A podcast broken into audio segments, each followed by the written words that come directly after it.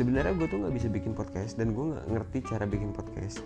Tapi ya gue pengen podcast gue itu ya udah jadi kayak kalian tuh ngobrol sama gue gitu kayak gue bisa nemenin hari-hari kalian kekosongan kalian dan mungkin juga bisa menghibur kalian dan juga mudah-mudahan bisa menginspirasi kalian dari cerita-cerita yang nanti bakal gue share ke kalian di semua episode nanti.